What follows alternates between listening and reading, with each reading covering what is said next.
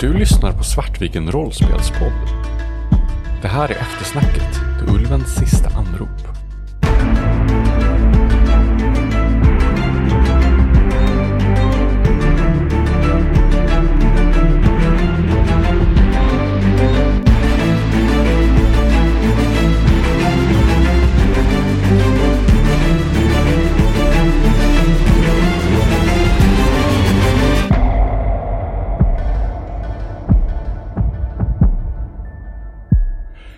Hej och välkomna till Svartviken rollspelspodd. Idag spelar vi in något så unikt som ett litet eftersnack till en one-shot. Det är inte ofta vi har det, men det har uppstått lite frågor och funderingar kring just den här one-shoten. Så vi tänkte att vi skulle ha ett litet eftersnack där man kan reda ut lite frågor och ge lite svar eventuellt. Vi är hela gänget med oss idag. Vi har Christer, Anna, Moa, Kristoffer. Eftersom ni är så dåliga på att säga hej när ni hör ert namn vanligtvis så tänker jag inte ens ge er chansen idag. Utan vi bara Hej! Ångar på. Tack Christer. Eh, upplägget idag är att Moa kommer prata lite om eh, själva scenariot och prata om eh, vad var det egentligen som hände där nere i djupet vid den tyska gränsen. Jag kommer att prata lite om eh, hur jag ser på mysterier i Skrumt jämfört med i andra spel där det finns mysterier. Anna kommer att prata lite om klippprocessen med det här one-shotet. Och Christer kommer sitta och se söt ut. Och eventuellt eh, slänga in kommentarer eh, när han känner att eh, han vill det. Ja, vi har ju förstått från eh, när vi spelade Jane Austen Fiasko nu hade den här tävlingen nu att eh, Christer är ju vårt eye candy så att det, det låter väl alldeles, alldeles ypperligt. Så jag tänker att jag lämnar över ordet till Moa. Eller ja, till Moa. Jag kan väl eh, gå rätt på det, det vi är här för. Det, grejen som var grejen med eh, Ulven, det som hände Ulven i äventyret, var ju att eh, de här tyskarna som dog på den tyska ubåten, de blev gastar och eh, hemsökte Ulven. Så det var liksom det som var eh, monstret då. Men eh, när vi eh, satt liksom och... Eh, alltså när jag, när jag satt och skrev detta så var jag någonstans lite, jag hade pratat lite med Kristoffer och någonstans så eh, så var ju liksom inte riktigt fokuset på, på monstret. Och tanken var ju inte riktigt heller att, jag, jag ville inte riktigt heller att, att man skulle riktigt kunna, i alla fall i början, koppla vad det var för någonting. Utan tanken var att plocka något som är ganska vanligt, lägga det i en annan kontext. Och eh, göra det liksom lite mer, eh, plocka bort fokuset från det, helt enkelt. Det fanns hela tiden ett sätt att lösa mysteriet. Och, och det var ju att eh, antingen så måste man ju, man måste ju ge de här gastarna frid. Eh, antingen begrava dem i vigd jord eller eh, bränna dem då. Så att så här, det, det ni hade kunnat göra var att spränga, alltså torpedera den här eh, ubåten igen då tills det liksom inte fanns någonting kvar. Och eh, då hade de här, den här hemsökningen slutat. Men eh, det känns också när vi, alltså när vi spelade att man hela tiden försökte ha någon form av liksom känsla för vad som potentiellt skulle kunna bli kul. Och alltså, vi känner ju varandra rätt så väl nu vid det här laget. Jag vet ju att eh, mysteriet kanske inte alltid är grejen. Åtminstone inte när, när jag inte är spelare så är inte mysteriet alltid grejen utan att ni ändå är helt fine med att bara utforska karaktärers liksom inre känsloliv. Så att säga, hade jag väl känt att ni drog lite mer åt att ni faktiskt kanske att det var viktigt att ta reda på vad, vad som var grejen. Um, och om vi hade haft mer tid så hade man kanske slängt in lite mer ledtrådar åt det hållet. Men nu kändes det som att, säga, att vi hade, tiden började ta slut och alla var ganska fine med att bara gå ner i vansinnet. Och då blev det det vi gjorde. Men, eh, men det var det som var grejen. Det var gastar. Man hade kunnat lösa det genom att torpedera det här ubåten. Eller potentiellt kanske boxera upp den till ytan och ta med det in och begrava dem, I guess. Men, eh, men ja, man hade kunnat torpedera och då hade hemsökningen slutat. Och så hade man löst äventyret. Det har ju kommit in en fråga i alla fall om eh, om vi förlorade eller misslyckades med scenariot eftersom alla dog och vi inte löste mysteriet. Och jag tycker att det är en rätt intressant så här, just när det kommer till ulven. Alltså, jag hade nog förstått det mer om det hade varit ett vanligare scenario om ni förstår. Alltså att det inte hade en, en historisk förebild eller så. För som jag ser det här scenariot mer nu eh, så är det ju vad är den sanna historien inom citationstecken till eh, varför ulven gick under? Snarare än kan vi lyckas ändra historien och rädda ulven?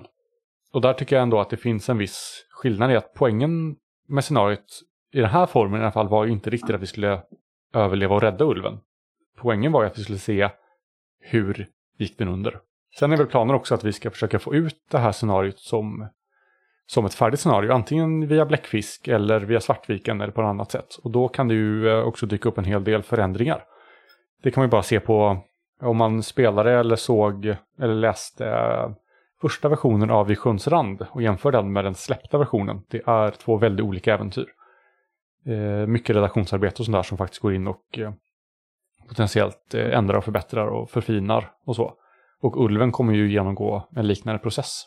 Och jag tror att eh, där måste vi också så här, så, eh, och där känns det som att vi är ändå ganska självmedvetna, vi har ganska mycket självinsikt i att vi är kanske inte så superrepresentativt för hur de flesta grupper spelar äventyr, kanske. Så jag tror så att, att många, många vill ju ha ett mysterium, medan vi kanske inte, alltså vi tillhör kanske Vi- den skalan där det inte är så jätteintressant. Ja, vi har ju en tendens att eh, mer utforska relationer och eh, Mm. människor och intriger kanske på ett annat sätt än vad jag vet åtminstone mina andra spelgrupper som är mycket mer mysterielösa, fokuserade och överlevnadsfokuserade. Men vad tror du Moa, skulle det här scenariot kunna vara första scenariot i en långtgående skrumpkampanj? Skulle man kunna använda det här scenariot som liksom att sparka igång en, en lång kampanj? Nej. Nej men alltså jag gillar det du säger, just det här med att, att det, det handlar inte så mycket om alltså, att, att ändra ulvens, handlar, att skriva ny historia, att göra någon form av liksom mer, utan det är liksom mer bara, vad är, ja, vad är, det- vad är den sanna anledningen till att det, det gick åt helvete? Och jag, jag tycker det finns ganska mycket kul att utforska i det. Alltså, ja, vad fan gick fel?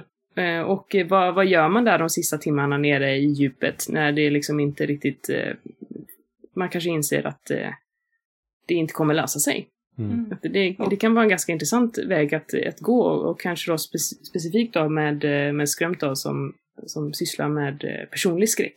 Att det är någonstans så här. Och det är väl också så här. Eh, det var väl det jag kände lite att jag misslyckades med när jag spelade nu. För jag vet att vi, vi skrev ju in en hel del, och det har också folk skrivit om på, typ vi lyssnar på Råsby tror jag någon nämnde det.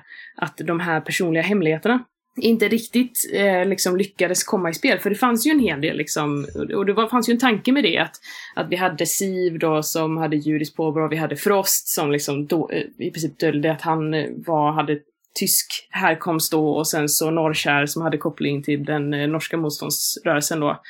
Att tanken var ju att det här att det skulle li, eh, leda till mer slitningar inom gruppen eh, än vad det blev. Och, eh, och det var ju verkligen en utmaning som eh, eh, som jag inte riktigt lyckades sjösätta egentligen. Och eh, vi har ju pratat om det nu när vi har haft de här workshopen och folk följer vår Instagram så har vi sett att vi har haft workshops kring eh, olika typer av samarbetsverktyg då för att vi ska kunna få ut bästa möjliga, roligaste spel eh, när vi sitter ner och spelar. Och eh, där pratar vi just om det, så hur kan man eh, få de här hemligheterna i spel? Liksom. Och då pratade vi ganska mycket om just det att man behöver eh, kanske ha mer eh, krutdunkar som man kan slänga in. Att det kanske inte ska vara upp, det kanske inte skulle varit upp till er att, att sätta de här hemligheterna i spel. Eh, under det här ändå ganska så begränsade eh, i tid då, one-shotet. Men också i, liksom, i rum, det var ju bara begränsat. Det är ju lite så här, li, lite litet kammarspel. I och med att det är ju bara på den här lilla, lilla ubåten. Eh, och inte under så lång tid liksom. Men att man då kanske, kanske knockar ner några personliga dagböcker eller någonting. Eller att man använder SLP'er för att eh, mm, kanske avslöja norrkär eller någonting. Att någon går och liksom skvallrar till chefen. Men att eh, man absolut, för att få till det här lite mer personliga skräcken, att man kanske behöver ha mer sånt där som initierar det då liksom. Ja, att, att våra hemligheter avslöjas för oss. Om, även om vi inte hittar möjligheterna att avslöja dem själva. Liksom. Målet på något vis är ju att man ska vilja avslöja dem själva och hitta möjligheter. Hemligheter i rollspel kan vara svårt för många här, men jag, det är en hemlighet. Poängen är att jag ska hålla den hemlig. Tänker både spelare och rollperson liksom. Eh, Och då kanske man inte letar efter möjligheter att avslöja dem. Eller så hittar man bara inte möjligheterna. Vi, det var ju det som var för oss. Jag älskar att Mm. avslöja mina hemligheter i rollspel, men hittar inte riktigt rätt sätt att göra det på. Eh, Och då kan det vara väldigt bra att det i scenariot finns så här. Så här kan spelledaren eller scenariot se till att hemligheten kommer upp till ytan. Det var ju någonting jag tyckte var väldigt intressant i, jag tror det senaste workshopen vi hade. Att vi pratade väldigt mycket där om hur, hur man kan exponera, berätta för de andra spelarna att det här är eh, hemligheter att eh, dra i. Alltså få hjälp av andra spelare utan att de andra spelarna nödvändigtvis ska veta vad hemligheten är. Och för så fort alla spelare vet vad alla hemligheter är så hamnar ju, då är alla tvungna att vara i någon form av regissörläge liksom för att, för att kunna hjälpa till.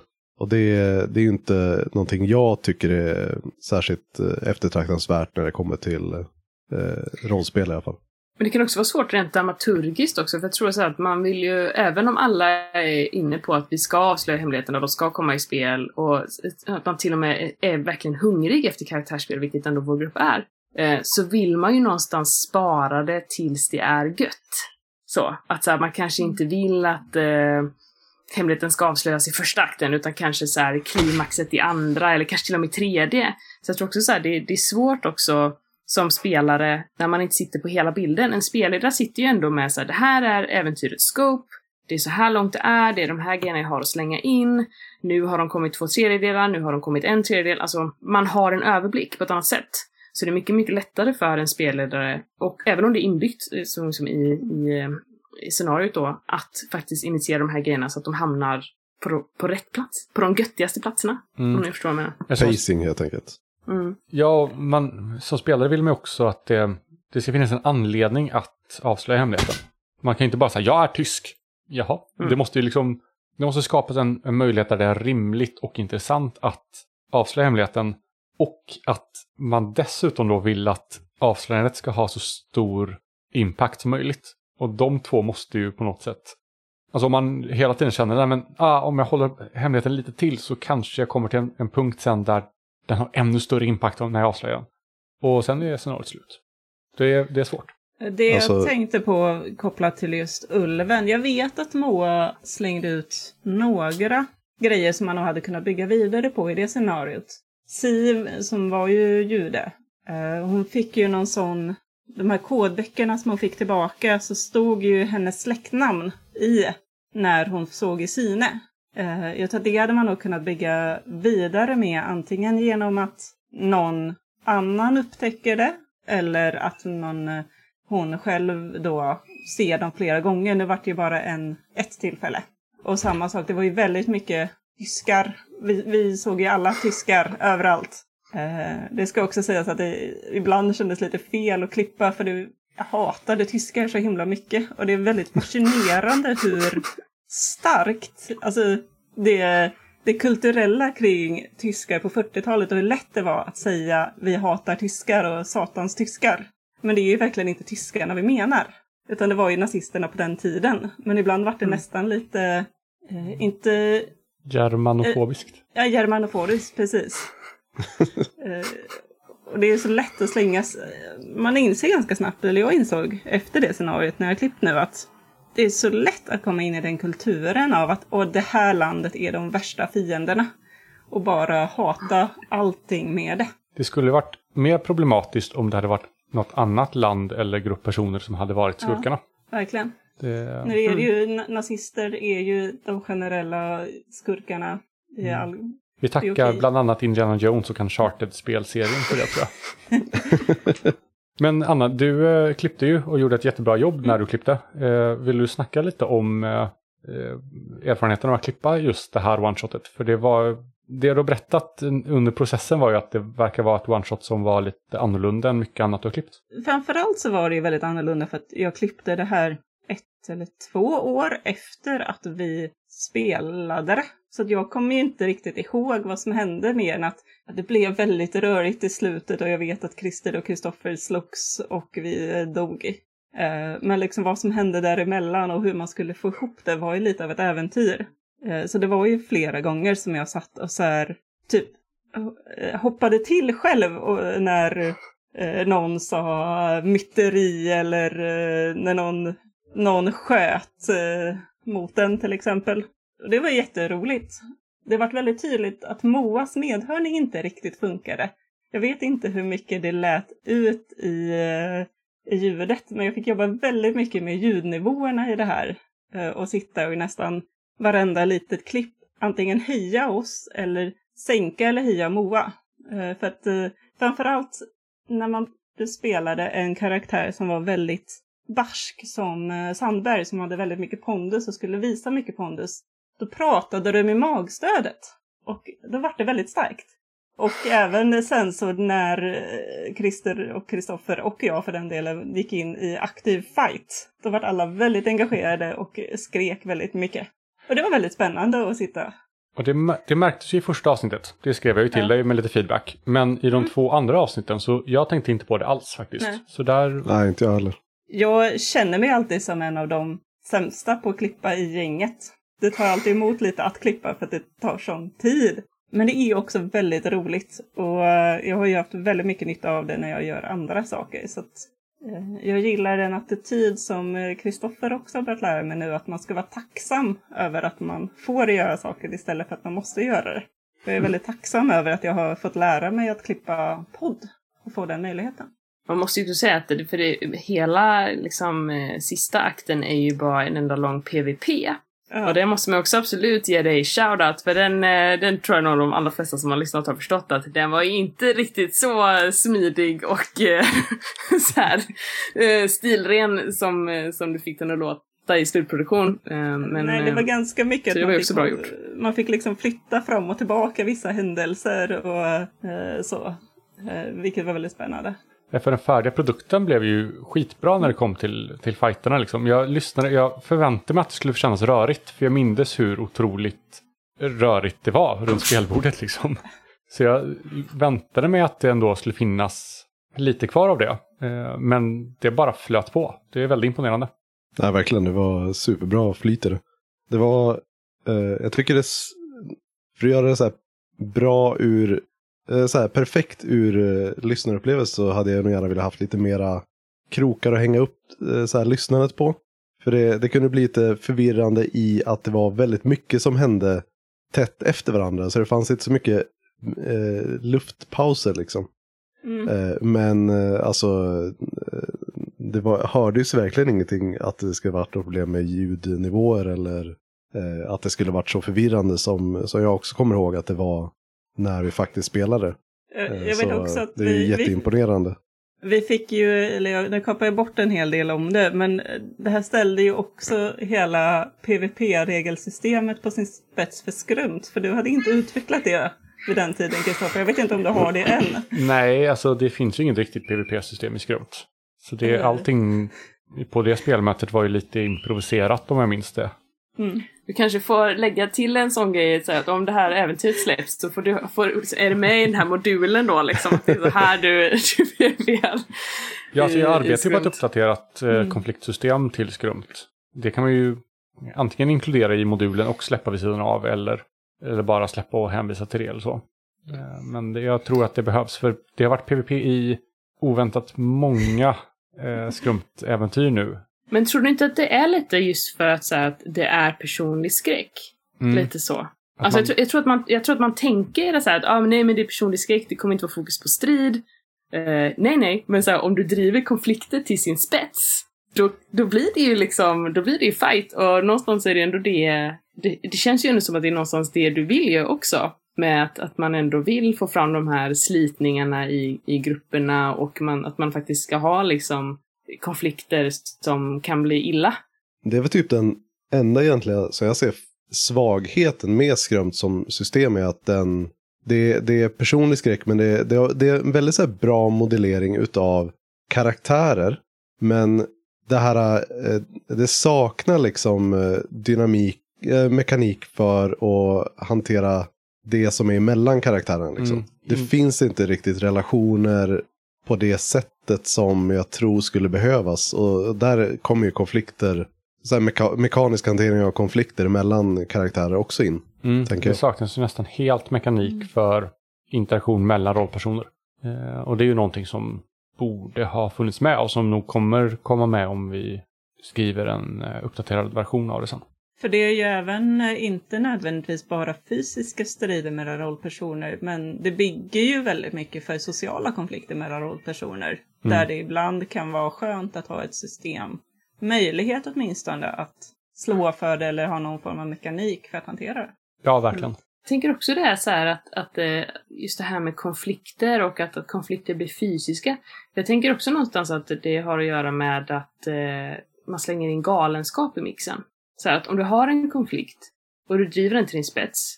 Så här, visst, nej, den kanske inte nödvändigtvis blir fysisk om du är vid dina sinnens fulla bruk. Men så här, om du är lite, alltså om du är knäpp, typ, eh, då känns det som att, det, att någonstans är det kanske dynamiten i det hela. Mm. Ja, Alltså att det hade, det hade kunnat bli en, en vanlig konflikt om, om eh, man inte hade den här galenskapsbiten. Men när man har den här galenskapsbiten och man hela tiden, det, tor, alltså det blir en nedåtgående spiral och man hela tiden blir knäppare, knäppare, knäppare.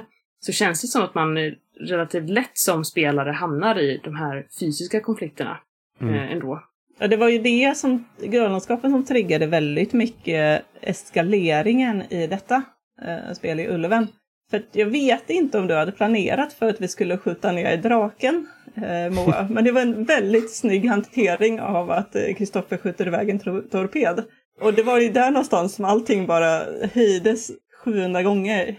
Det fanns liksom ändå, jag hade ganska många så uppslag typ på vad så här, om de gör någonting åt det här hållet så skulle man kunna göra någonting åt det här. Men just den hade jag liksom inte, det enda som jag hade som var typ liknande det var att nu, nu blev det ju att eh, Christers karaktär skar av eh, telefonbojen för att eh, du trodde att du liksom skulle försöka rädda någon. Det var någon maskineri som gick sönder väldigt fort eller någonting.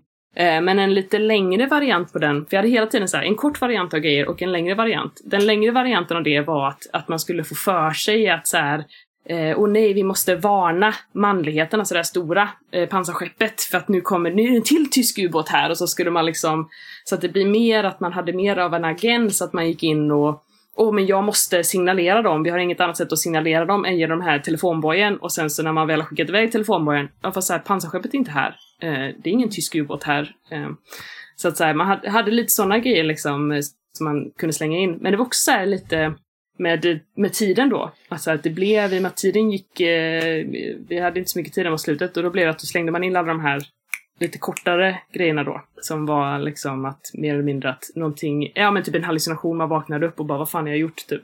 Eh, men det, det fanns faktiskt eh, oftast två varianter av allting. Där det fanns en längre och det var oftast lite mer att man skulle ha lite mer agens i det då. Att eh, man sabbar för att man tror att det kan hjälpa en och sen så skiftar man perceptionen och eh, nej, det var nog kanske inte så bra liksom. En Men en inte, som- inte det med draken. En sak som jag funderar på om det här med eh, karaktärskonflikter och så, det är ju om, om det inte är så att det, det, det kommer ju näst, nästan alltid ur en, eh, en, eh, att vara oense om hur verkligheten ser ut. Eh, och det är det jag tänker är det, det som man kan kalla för galenskap i, i Skrömt. Det är ju, Eh, så som vi har spelat det så är det nästan alltid att man har en annan bild av verkligheten än vad andra har. Och det är ju samma sak i, i vår Coriolis-kampanj också, så var det ju också väldigt mycket av, eh, eh, utav Isterbacks eh, galenskap handlade ju om att ha en, en direkt felinformerad bild utav sin omgivning. Eh, och speciellt då inte samma som eh, Batra och eh, Shada hade. Och det är, det är intressant när du säger det, för det är typ de enda gångerna som vi faktiskt, förutom Moa då, eh, alltså tar till våld mot varandra. Det är ju när vi får information av SL som våra rollpersoner agerar på och som alltså förvrider deras sinnen på något vis. Och där, det är ju, jag vet inte om jag borde varna gäst-SLs för det. Att ger man mig något sånt så kommer jag ta det och springa med eh, till galenskapets rand. Och då finns det alltid risk för lite konflikt. Men jag tänker att eh, eh, de gånger som, eh, som Moa har backstabbat stabbat oss här så upplever jag att det handlar nästan alltid om att Moas karaktärer har en annan bild av verkligheten. eh, Fast att det inte nödvändigtvis kommer från SL utan att det är någonting Moa har bakat in i sin, eh, eh, sin eh, karaktärisering av spelarkaraktären. Liksom. Vissa Så- gånger är det ju precis som du säger, att typ, eh, jag tänker på Hvitfeldtska där, då var det någonstans så här att man liksom, åh nej, det här är sanningen. Men det finns ju absolut andra fall som typ Berhanu där det kanske är mer av en rationalisering av en världsbild. Att, så här, att man intalar sig att saker och ting är på ett visst sätt för att man tjänar på det då. Men, men jag tycker också så här, det, det är en extremt potent grej att eh, ha olika syn av verkligheten. Och jag tror också det är en av de, alltså vi har ju snackat om det här innan i vår, vi snackar ju rollspels eh, och rollspelsteori typ konstant. Men det är också något, något som vi har pratat om innan, att det är extremt potent för att få in spelare i konflikt, att pusha dem lite, även om man kanske vanligtvis inte är så konfliktsökande. Att faktiskt bara göra dem övertygade om att det är på ett visst sätt. Att så här, den informationen som jag har gett dig är sann. Eller att typ så här, ja, jag ger dig någonting som jag tänker att du vill roll with. Men, men också faktiskt ibland att man kan få spelarna att tro på det. Så att det här är faktiskt det som är eh, riktigt. Den här andra optionen har fått fel information. Liksom. Det kan ju vara ett Det- extremt potent verktyg för att få folk i rullning. Liksom, och få folk att faktiskt agera på grejer. Men jag tänker att det, det kopplar också till det vi pratat om. Jag tror vi pratade framförallt om det direkt efter vi hade spelat AEA. Det här med potentialen i att sätta upp, medvetet gå in för att skapa karaktärer där alla har distinkta tolkningar utav samma fråga. Liksom. Ja, I precis. AEA så centrerar det väldigt mycket kring liksom, hur man använder makt och kring det. Liksom, så här, eh, jag kan inte riktigt sammanfatta det på ett bra sätt. Men Och det jag brukar kalla för den centrala eh, så frågeställningen i scenariot. Eh, hantering av makt och så ska alla spelare skapa alltså, olika ingång till hur, vad är ett bra styre. Och så får alla spelare uppgift att eh, hitta på en, en ingång till vad bra styre är. Och ni får inte välja samma typ. Och det är, alltså så här, jag tänkte på det nu faktiskt när man, när man lyssnade om äventyret, att det hade vi på ett sätt lite här. Mm. Alltså ändå typ ett tema med, eh, med makt och hierarki. För, för det noterade jag. jag. Jag tänkte inte, jag har faktiskt inte tänkt på det efter att vi körde, men jag blev påmind om det nu när man lyssnar ett år efteråt. Men just det att man ställde ganska mycket frågor kring hur ni kände inför order. Jag vet alltså, det var någon gång, eh, vi pratade, du, din karaktär där Christer, där du var den mest kompetenta men, eh, men du visste att det är inte du som har sista ordet och man liksom lite probar. Eh, hur känner du inför det här? Och det var också någon med eh, Kristoffers karaktär där det liksom är så här, när, när du gav order och man försökte så någon form av doubt där att ja men ty, tycker de verkligen att den ordern är så himla bra eller tycker, tycker de att du verkligen är så kompetent just nu? Och, men jag tänker också det, det är lite spelledarens jobb alltså att så här, proba och se vilka typer av ämnen vill spelarna en, engagea med. Och där eh, märkte man ju så här att eh, eh du ville ju ändå, jag upplevde att du ville utforska det mer, att du rullade med det och så här att, eh, ja men jag, att det feedade din rollpersons identitet att eh, tro att de kanske såg ner på dig liksom. Medan det kändes som Mm. att eh, Christer, du var lite mer så här att nej men jag vet ju hur det fungerar i militären, jag vet hur ordergången är, det är liksom så här. Och då får man ju plocka upp de trådarna som, som spelare då, att, att nej, okej, jag kan pusha det, jag kan pusha det mer på Kristoffer och sen så is up på Christer då. Till Jag de här först- temana. Kärnan i Frost var ju på något sätt att han hade mer makt än vad han kunde hantera och han ville bevisa för sig själv och framförallt för andra att han kunde hantera det.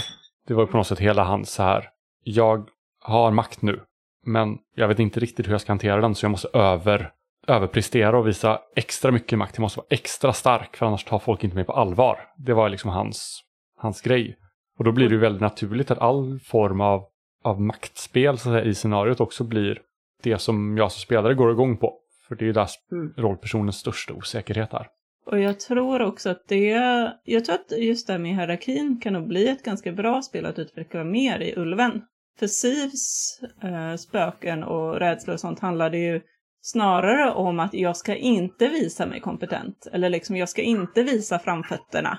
Jag ska inte stå ut och inte vara den som sitter på makten att besluta.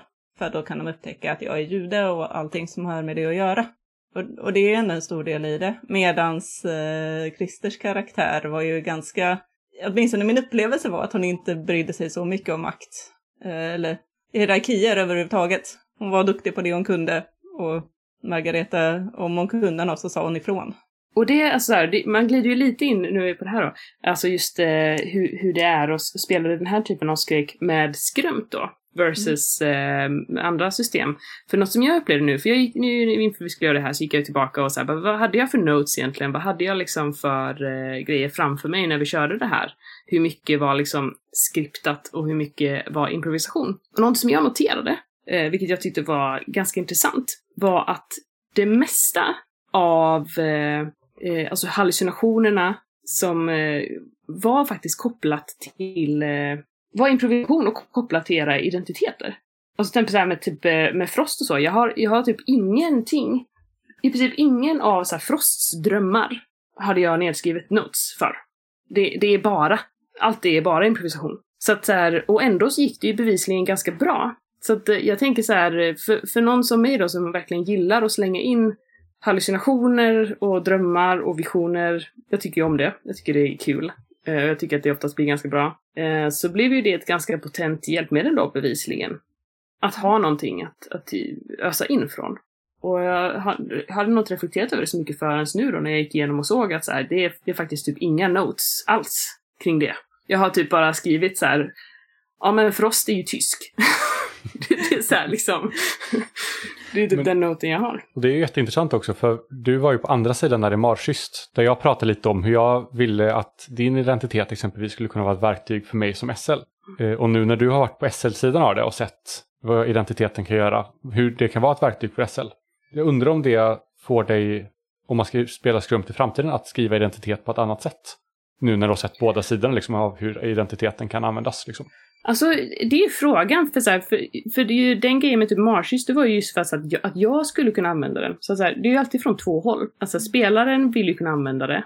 För att så här, hur ska jag, hur ska jag spela på min karaktär? Och spelaren vill ju ha, vad ska jag slänga in?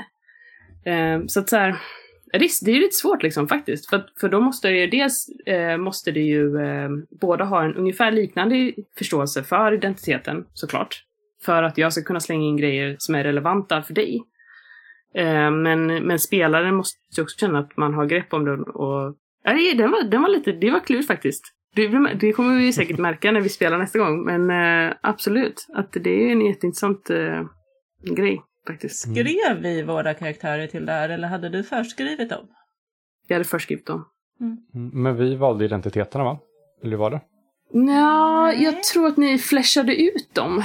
Jag vet att så här, för det jag har här, det som jag, skrivit, det som jag hade skrivit kring dem. Jag, tror jag tror att jag skrev, eh, jag skrev så här. Dykofficer, syskon dog medan hen stred för norska motståndsrörelsen. Sekond. Någon med tyst påbrå som behöver bevisa sig. Signalist, någon med judiskt påbrå vars familj försvunnit. Från de promptsen så fick ni sen bygga er, eh, er, alltså, jag tror inte att jag skrev liksom så här, ert specifika spöke eller lögn eller så. Utan, eh, men jag skrev liksom er prompt att så här, det här är er grej. Och sen får ni, så att eh, det blev kanske något mellanting där då egentligen. Alltså att jag hade kärnan av det jag behövde för äventyret. Men ni hade kontroll över eh, Manifestationer av hur det. det. Ja, och så att ni kunde spela på det liksom på det sätt som ni ville spela på det då. Ska vi gå vidare till, eh, till nästa del? Vi har pratat lite om det till och från, det här med mysterier. Och hur man ser på mysterier i Skrumt, hur man ser på mysterier i Ulven och målet med Ulven att eh, det kanske inte var att, att ändra historien utan att ta reda på vad som hände och så. Och alltså, när, jag, när man tänker mysterier ofta så är ju mysterier är, målet med mysterier är att man ska lösa mysteriet.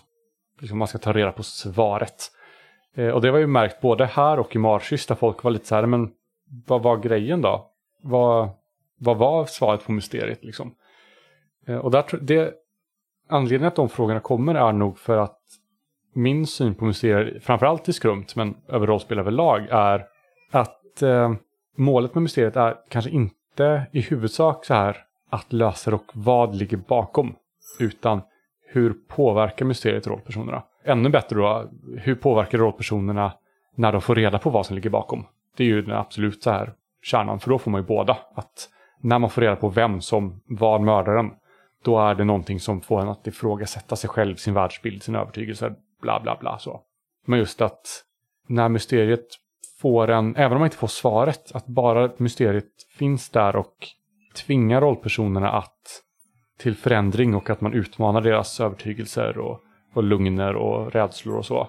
Det är nästan tillräckligt, i min mening, med, för ett mysterie. Att man dessutom kan lösa det, det är en bonus ofta för mig. Och det tror jag spelar in lite i både hur du skrev Ulven och hela Marschys-kampanjen och Skrumt överlag. Att det, det är inte alltid att rollpersonerna får reda på mysteriet. Och i så fall kan inte heller spelarna få det. Och då kan man prata om det efteråt. Liksom. Men målet är inte alltid att så här, vi ska lösa mysteriet. Det är inte alltid det som är syftet med scenariot. Och det tror jag kan, kan irritera en del folk. Eh, en del. Jag vet inte om Krank, exempelvis Mikael Bergström som skrivit Cthulhu, skulle uppskatta det synsättet helt och hållet. Nej, det var ju definitivt en av de största liksom, utmaningarna. Det fanns ju två utmaningar med eh, Ulven.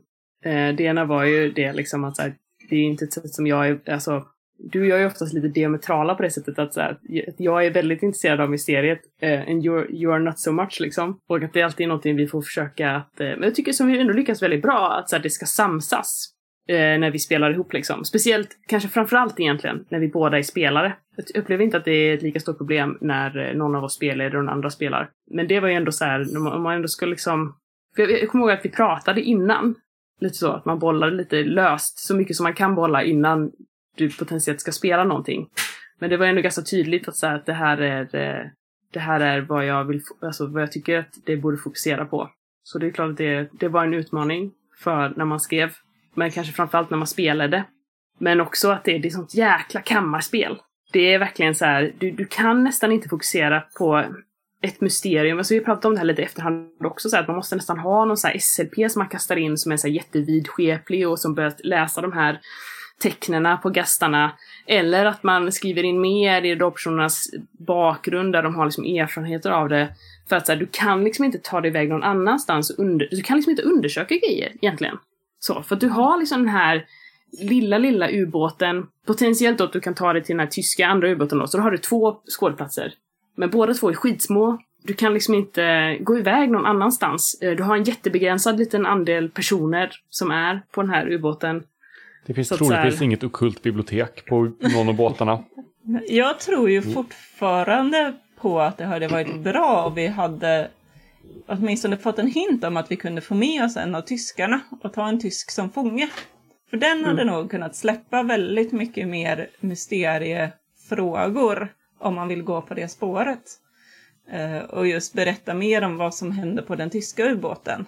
Eh, som kan hjälpa spelarna att förstå att aha, det hände samma sak här och, och varför. Absolut, och det var en eh, judgment call som SL. För så här, det hade jag egentligen med att man skulle kunna Ja. ja. Men sen så det var ett judgment call som jag gjorde i stunden att så här, nej det här kommer bli bökigt, det kommer ta massa fokus mm. och vi kommer kanske inte hinna med.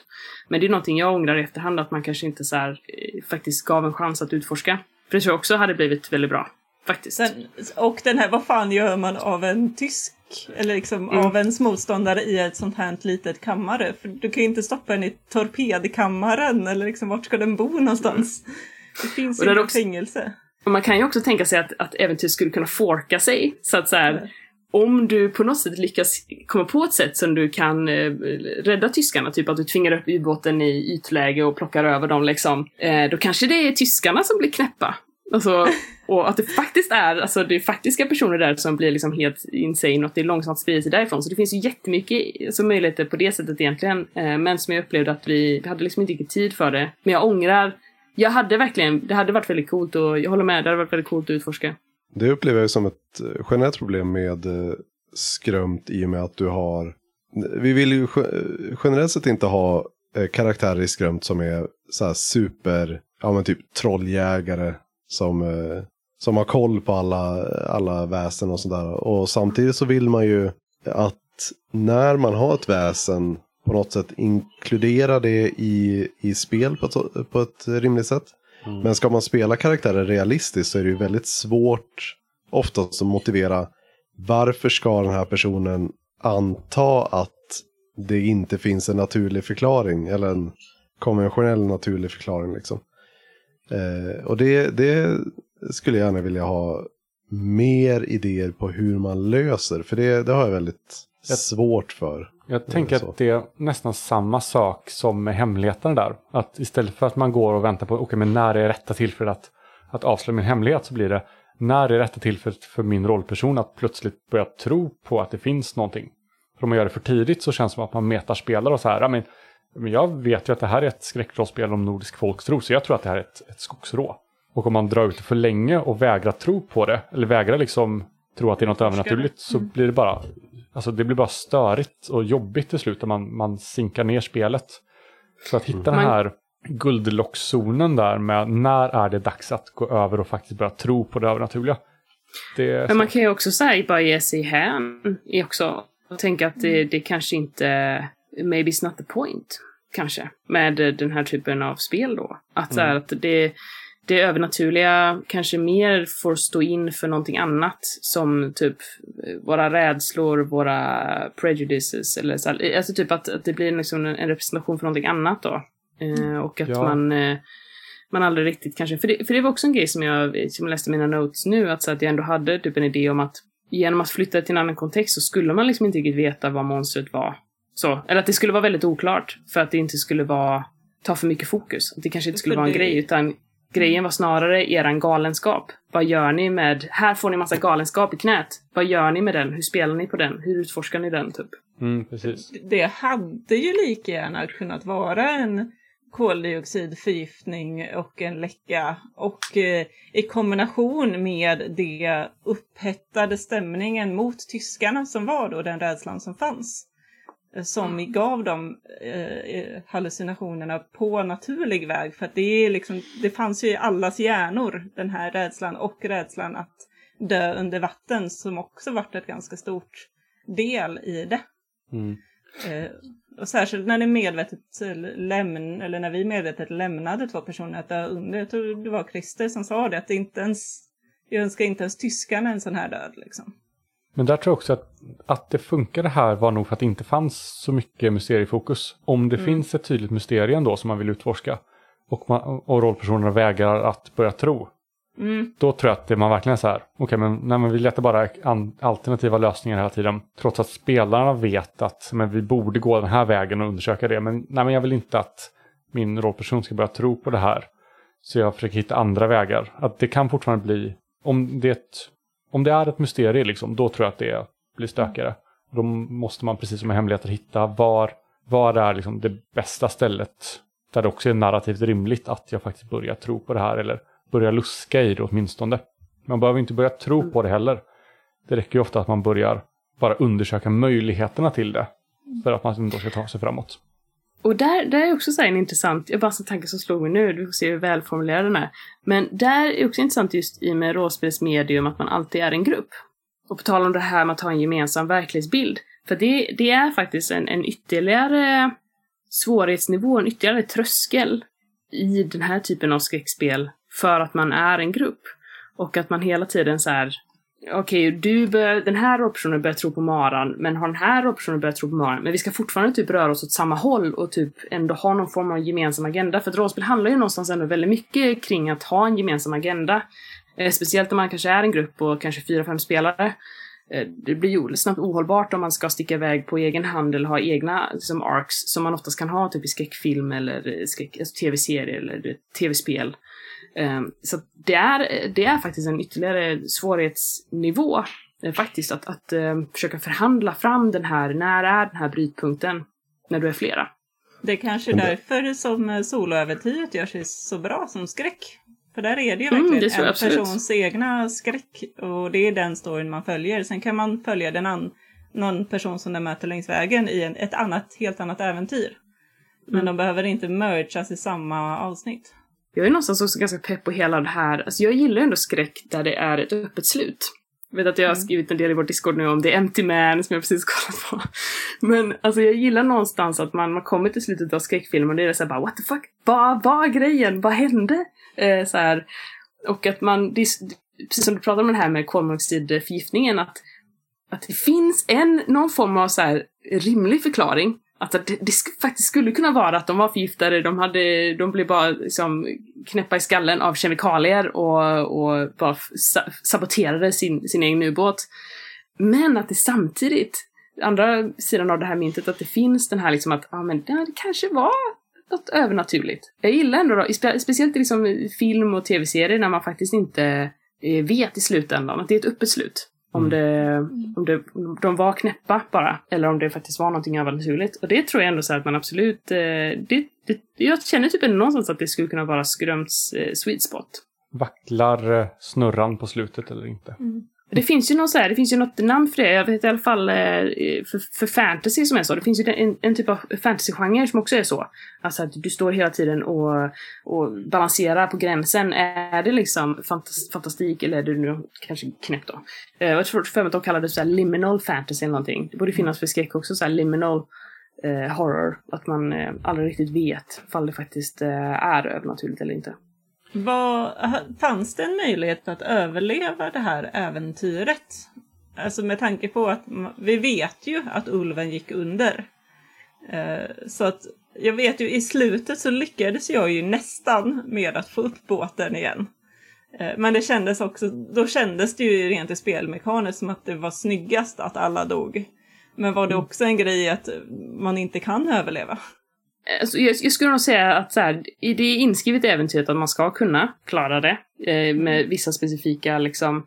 Eh, men, eh, men för er del så tror jag att så här, men det är, hur jag, det är liksom manifestationen av äventyret. Hur jag spelade då. Jag, ni hade ingen chans att överleva. Jag, jag var ganska inställd på att så här, att ni skulle Jag, jag Skulle gjorde ju mitt dö. yttersta också för att köra den här ubåten i botten och avsluta det hela. Ja. Lite som jag nu tänker köra det här eftersnacket i botten och avsluta det här. Eh, för nu börjar det bli dags att avrunda. Den jävla segwayen va? Den borde jag få en medalj för. Jag byggde upp för den, känner jag. Ja, det är bra, bra samarbete där. Det är som att vi har planerat det. Eh, vi har inte planerat någonting av det här i princip. Eh, tack för att ni lyssnade. Jag hoppas att ni har fått svar på alla era frågor. Har ni inte fått svar på några, frå- några frågor så är det Kristoffers fel. Eh, Så skriv till honom på Facebook eller Instagram eller så. Discord. Ja, jag tar gärna den manteln som skurk. Har vi något mer vi vill säga? På fredag, jag hoppas kunna klippa och släppa det här avsnittet redan nu i veckan. Men på fredag börjar vi eh, släppa nästa skrumtäventyr. För det här är The Year of Skrumt. Herr Sjögrens bortgång med gästspelledare Gustav Rutgård.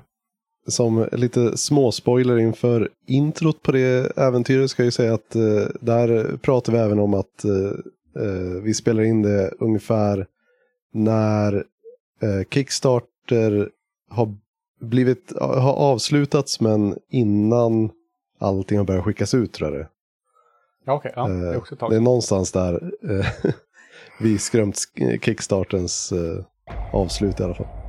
Så det var också ett tag Så. sedan. Ja. Nu, men efter, jag tycker ändå så här, det, det, en pande, pandemin har hjälpt oss komma igenom vår backlog, helt klart. Mm, och Helt klart. tummaren rejält rejält också. Ja. Men- Ja, nu är vi tvungna att spela in saker. Ja. Fy fan. Ja. Men tack för ikväll. Och tack för att ni har eh, tittat och lyssnat. Så ses vi och hörs vi i eten. Tack så mycket. Hej hej. Hej då!